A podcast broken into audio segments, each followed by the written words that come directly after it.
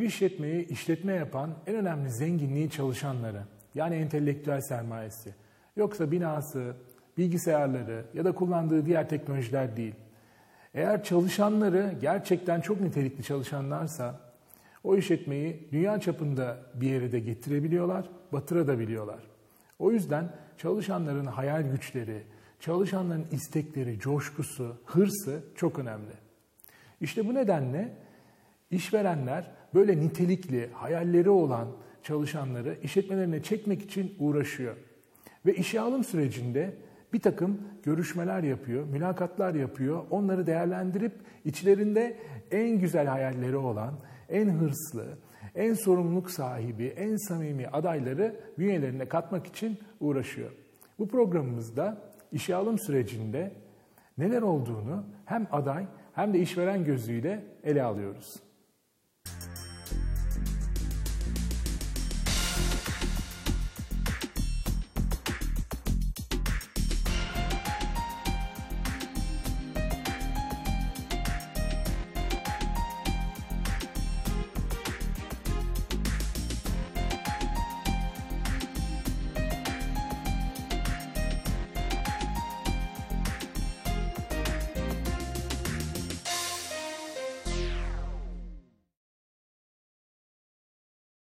Kariyer Ekranı programına hoş geldiniz. Bu programda işe alım sürecini tartışacağız. İki konuğumuz var. Birisi Türkiye'nin en büyük sanayi kuruluşlarından birinde insan kaynakları yöneticisi Ali Orhan Bey. Hoş geldiniz. Merhabalar, hoş bulduk Barış Bey. Diğeri üniversitemiz öğretim üyesi Profesör Doktor Zümrüt Tonus hocamız. Kendisi insan kaynakları yönetimi hocası. Hoş geldiniz. Hoş bulduk Barış Bey. Şimdi işe alım sürecinin iki tarafı var. Biri işveren, diğeri de işe başvuran aday. İsterseniz önce aday tarafından başlayalım.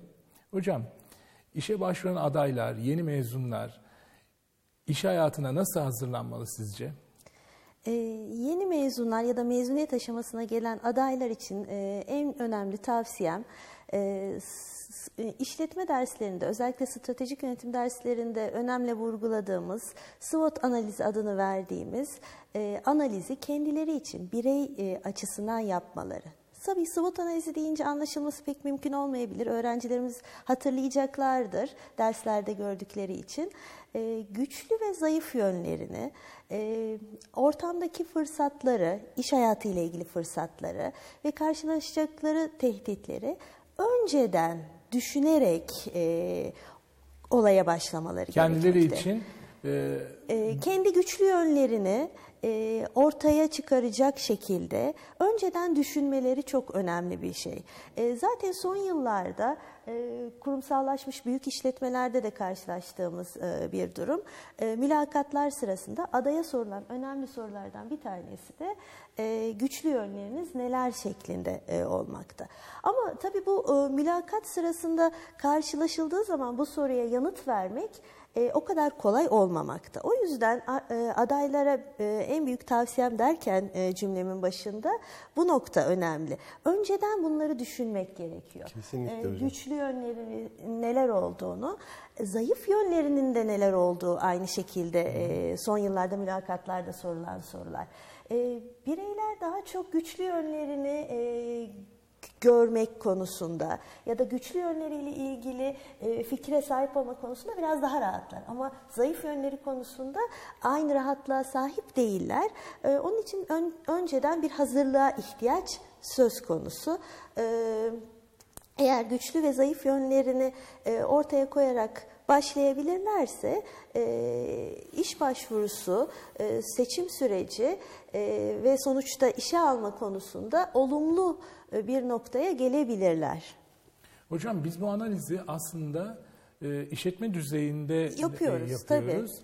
Ve e, burada değerlendirdiğimiz konu aslında bildiğim kadarıyla e, güçlü yönleri sürdürmek, zayıf yönlerinin Kesinlikle. zayıflıklarını gidermek ve fırsatları değerlendirip tehlikelere karşı ya da tehditlere karşı da hazırlıklı, Hazırlıklı olmak. olmak. Birey de bir yandan e, kendinin zayıf yönlerini e, gidermeye, fırsatları değerlendirmeye, işte tehlikelere hazırlıklı, Hazırlıklı olmaya olmaya, bakarken bir, tabii güçlü yönlerini de koruyacak. Diğer yandan da böyle bir soru geldiğinde buna hazırlık Hazır yapsın, prova olacak, yapsın bir ve akıcı bir olacak. şekilde e, yanıtlasın diyorsunuz. Bu ihtimali e, değerlendirmelerinde e, fayda var e, diyorum. Zaten e, son yıllarda yine iş başvurularında CV'lerde e, kariyer hedefi dediğimiz bir alan söz konusu. Tabii ki. E, işletmeler e, bu alanın CV'lerde olmasını bekliyor. E, kariyer hedefi alanına e, kendisiyle ilgili kariyer hedefini yazabilecek bir aday e, zaten güçlü yönlerini e, düşünmüş olmalı. Bilinçli önceden birisi. evet, önceden düşünüp karar vermiş olmalı. Ha tabii şu o, bir gerçek yani e, kariyer hedefiyle ilgili bir karar vermiş bir aday, e, yeni mezun ya da mezuniyet aşamasına gelmekte olan bir aday e, bu verdiği karardan hani vazgeçemez mi? Tabii ki böyle bir şey değil. E, ama güçlü ve zayıf yönleri konusunda eğer iyi düşündüyse e, o zaman kariyer hedefini belirlemesi de çok daha kolay olacaktır. Peki Ali Bey siz ne dersiniz? İşveren gözüyle özellikle işe alım süreci, adaylar e, nasıl değerlendiriyorsunuz? Şimdi e, şöyle esasında işin başlangıç noktası şuradan başlıyor. Birincisi dış görünüş. Çünkü bir görüşmeye bir iş başvurusuna gidiyorsanız dış görünüşünüze öncelikli olarak dikkat etmeniz gerekiyor. Tabii hiçbir işveren dış görünüşe göre almıyor ama bıraktığı ilk izlenim, ilk intiba, görüşmeye başlangıç ve ortama vereceği enerji açısından dış görünüş çok önemli. O konuya ne kadar ciddi yaklaştığını, Yaklaştığını gösterir önemsediğinin ama- bir simgesi belki de. Kesinlikle. Çünkü e, çok güzel sözler var. Hani kime elbise vardır içinde insan yoktur, kime insan vardır üstünde elbise yoktur. Hani sadece görünüşe göre bir değerlendirme yapmak mümkün değil. Ama insanlar görünüşüyle çağrılır, fikirleriyle de yollanırlarmış. Hocamın söylediği SWOT analizi çok önemli. Neden çok önemli? Bizim esasında görüşmelerde istediğimiz şey adayın kendisini son derece düzgün ifade etmesi. Kendinizi düzgün ifade edebilmek için de kendinizi tanımanız lazım. Diğer istediğimiz bir şey samimi ve dürüst olmak. Samimi ve dürüst olmak ne? Güçlü yönlerinizi, gelişmeye açık alanlarınızı bilmek. Çünkü farkındalık çok önemli. Eğer farkındaysanız bir şey değiştirebilirsiniz ama farkında değilseniz maalesef değiştiremezsiniz. Onun için hocamın söylediği SWOT analizini yaparlarsa zaten biz CV'lerde soruyoruz. Sizce en güçlü olduğunu düşündüğünüz üç yönünüz, gelişmeye açık olan üç yönünüz diye. Bunu hani kişi hazırlık yapmış mı, kendisini tanıyor mu, bize nasıl katkı sağlayacak? Çünkü önce insanın kendisini tanıması lazım ve bu konuda da hazırlık yapması lazım. Bir diğer şey de arkadaşlarımız yeni mezun oldukları için tabii çok heyecanlı oluyorlar ama istekliliği ve motivasyonu iş görüşmesinde göstermek çok önemli. Heyecan. Heyecan. Yani olmazsa olmaz. Çünkü o pozitif enerji sizi adaya yoğunlaştırıyor. Evet. Karşınızda istekli, motivasyonu yüksek, e, işin peşinde koşacak bir arkadaş aradığınız zaman otomatikman görüşmelerde etkileniyorsunuz tabii ki. bundan. Evet, bu çok önemli. Şimdi e, ben biraz uzaktan eğitim öğrencilerinin özelliklerine, açık öğretim mezunlarının öğrencilerinin niteliklerine değinmek istiyorum. Bizim öğrencilerimiz kendi kendine çalışan ve öz disiplini olan öğrenciler. Özellikle belirli bir sürede belirli konuları planlama yaparak öğrenen, sınavlara hazırlık yapan ve e, sorumluluk sahibi e, insanlar, iradeli insanlar. Aslında e, bütün bunları göz önüne aldığımızda açık öğretim mezunları veya hala hazırda okuyanlar, üstelik bazıları da hem okurken aynı zamanda çalışanlar e, işveren için nitelikli e, kişiler. Evet. E, Çünkü işveren e, bir yandan o kişilerin e, irade sahibi, sorumluluk sahibi, planlı çalışmaya, düzenli çalışmaya alışkın olduğunu e, düşünerek onu onları değerlendiriyor. Ne dersiniz siz bünyenizde açık öğretim mezunu çalıştırıyor musunuz? Benim gibi mi düşünüyorsunuz? Tabii ki e, bünyemizde açık öğretim mezunu arkadaşlarımız çalışıyor. Ama söylediğiniz en önemli faydalardan bir tanesi de e, üniversiteden mezun olmuş ve çalışan arkadaşlar çalışırken aynı zamanda başka bir yönde de kendilerini geliştirme imkanı buluyorlar. Evet, hayat boyu öğrenme Kesinlikle işletme, yönetim konusunda kendilerini mühendis arkadaşlar geliştirmek Bazıları, istiyorlar. "Aa, ne güzel." Aynı zamanda da çalışmak istiyorlar tabii ki. Hayatını İkinci idame üniversite ettirmek kapsamında. Için. İkinci üniversite kapsamında hem çalışıyorlar hem işlerini yapıyorlar. Aynı zamanda da açık öğretimden işletme ve diğer konularda kendilerini geliştirebiliyorlar. Çok da faydalı e, oluyor onlar için de. E, insan kaynakları yönetimine e, yönelik e, çok güzel dersler de var. Evet. Programımız Ee, da var hocam. iki evet, yıllık. iki yıllık O- program. O, konuda da birkaç e, bilgi iki, yıllık lütfen? programımızda da insan kaynakları yönetimi fonksiyonlarına yönelik dersler söz konusu. Ücret yönetimi, performans yönetimi, kariyer yönetimi gibi e, dersler var. E, bu derslerle e, insan kaynakları e, bilgi altyapısını oluşturuyoruz ve işletmelerde insan kaynakları bölümünde çalışacak uzman e, yetiştirmeyi de e, hedefliyoruz. Aynı zamanda bu dersler e, sadece insan kaynakları bölümlerinde çalışacaklara yönelik değil, e, diğer tüm e, sektörlerde, tüm e, birimlerde çalışacak kişileri, daha doğrusu yeni işe başvuracaklara bir e, altyapıda oluşturmakta. Tabii ki. Böyle bir özelliği de var insan kaynakları yönetimi programlarının ve derslerinin. Bizden de katılımcılarımız var hatta. evet. Bu iki yıllık programı e, dört yıllık tamamlamak da mümkün. Geçiş olanağıyla evet. onu da hatırlatalım. Peki e, sizce önümüzdeki yıllardaki e, istihdam olanakları ne yönde değişecek hocam? İstihdam olanakları e, da tabii Yani ki yıllar itibariyle insanları, e, değişim göstermekte. E, İş hayatı da e, bazı yetkinlikler bağlamında e, odaklandığı noktalarda değişiklikler söz konusu olabiliyor. Son yıllarda analitik düşünme önemli bir yetkinlik olarak karşımıza çıkıyor. E, Uzun yıllardır e, her e, dönem e, yine önemli bir yetkinlik olarak karşımıza çıkan insan ilişkileri, Tabii, iletişim. iletişim, bunlar karar verme becerisi, bunların hepsi takım olarak çalışabilme özelliği. Bunlar son yıllarda Kesinlikle. çok popüler iş hayatı tarafından aranan, Aranan e, nitelikler. nitelikler olarak karşımıza çıkmakta. E, zaman içerisinde de e, bunlar e, daha da önem kazanmaya başlayacaktır. E, ama benim e, kişisel e, önerim e, insan ilişkilerini geliştirmek her zaman e, teknik bilginin yanında. Çünkü eğitim teknik bilgiyi e, öğrencilerimize veriyor ama onun yanında insan ilişkilerini geliştirebilmek çok önemli bir vasıf oluyor iş hayatında. İşe başvuru sırasında olsun, mülakattaki başarı olsun, Evet. e, Ali işteki Bey başarı pozitif olsun. ilişki, e, pozitif enerji ya da samimiyet diye bahsetti Evet, biraz önce. evet, evet. E, tabii yani mülakatlarda e, samimiyet, pozitif enerji, istekli olmak bunların hepsi e, çok çok e, önemli. E, yine Ali Bey'in e, başta vurguladığı gibi dürüst olmak da çok önemli. Biz, ben e, adaylara e, mülakatta e, karşılarına çıkabilecek sorulara e, dürüst bir şekilde yanıt vermelerini, e, bilmiyorlarsa bilmediklerini ifade Tabii ki. etmesini özellikle e, söylemek istiyorum. E, bu çok önemli bir şey. Her soruya yanıt vermek mümkün olmayabilir.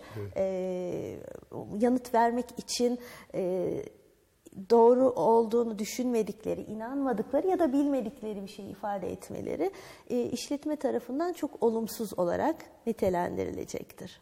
Peki hocam adaylar ne kadar bir ücret beklediklerini e, söylesinler mi mülakat sırasında? Evet, e, son yıllarda e, mülakatlarda en çok e, sorulan sorulardan bir tanesi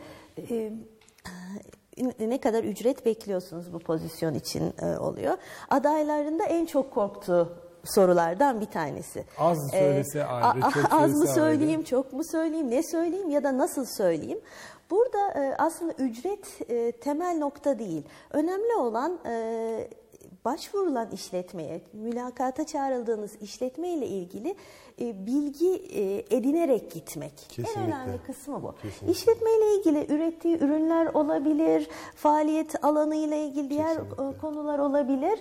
Bunlarla ilgili bilgi sahibi olmak. Bunun dışında başvurulan pozisyona yönelik olarak da bazı bilgiler elde etmek gerekiyor.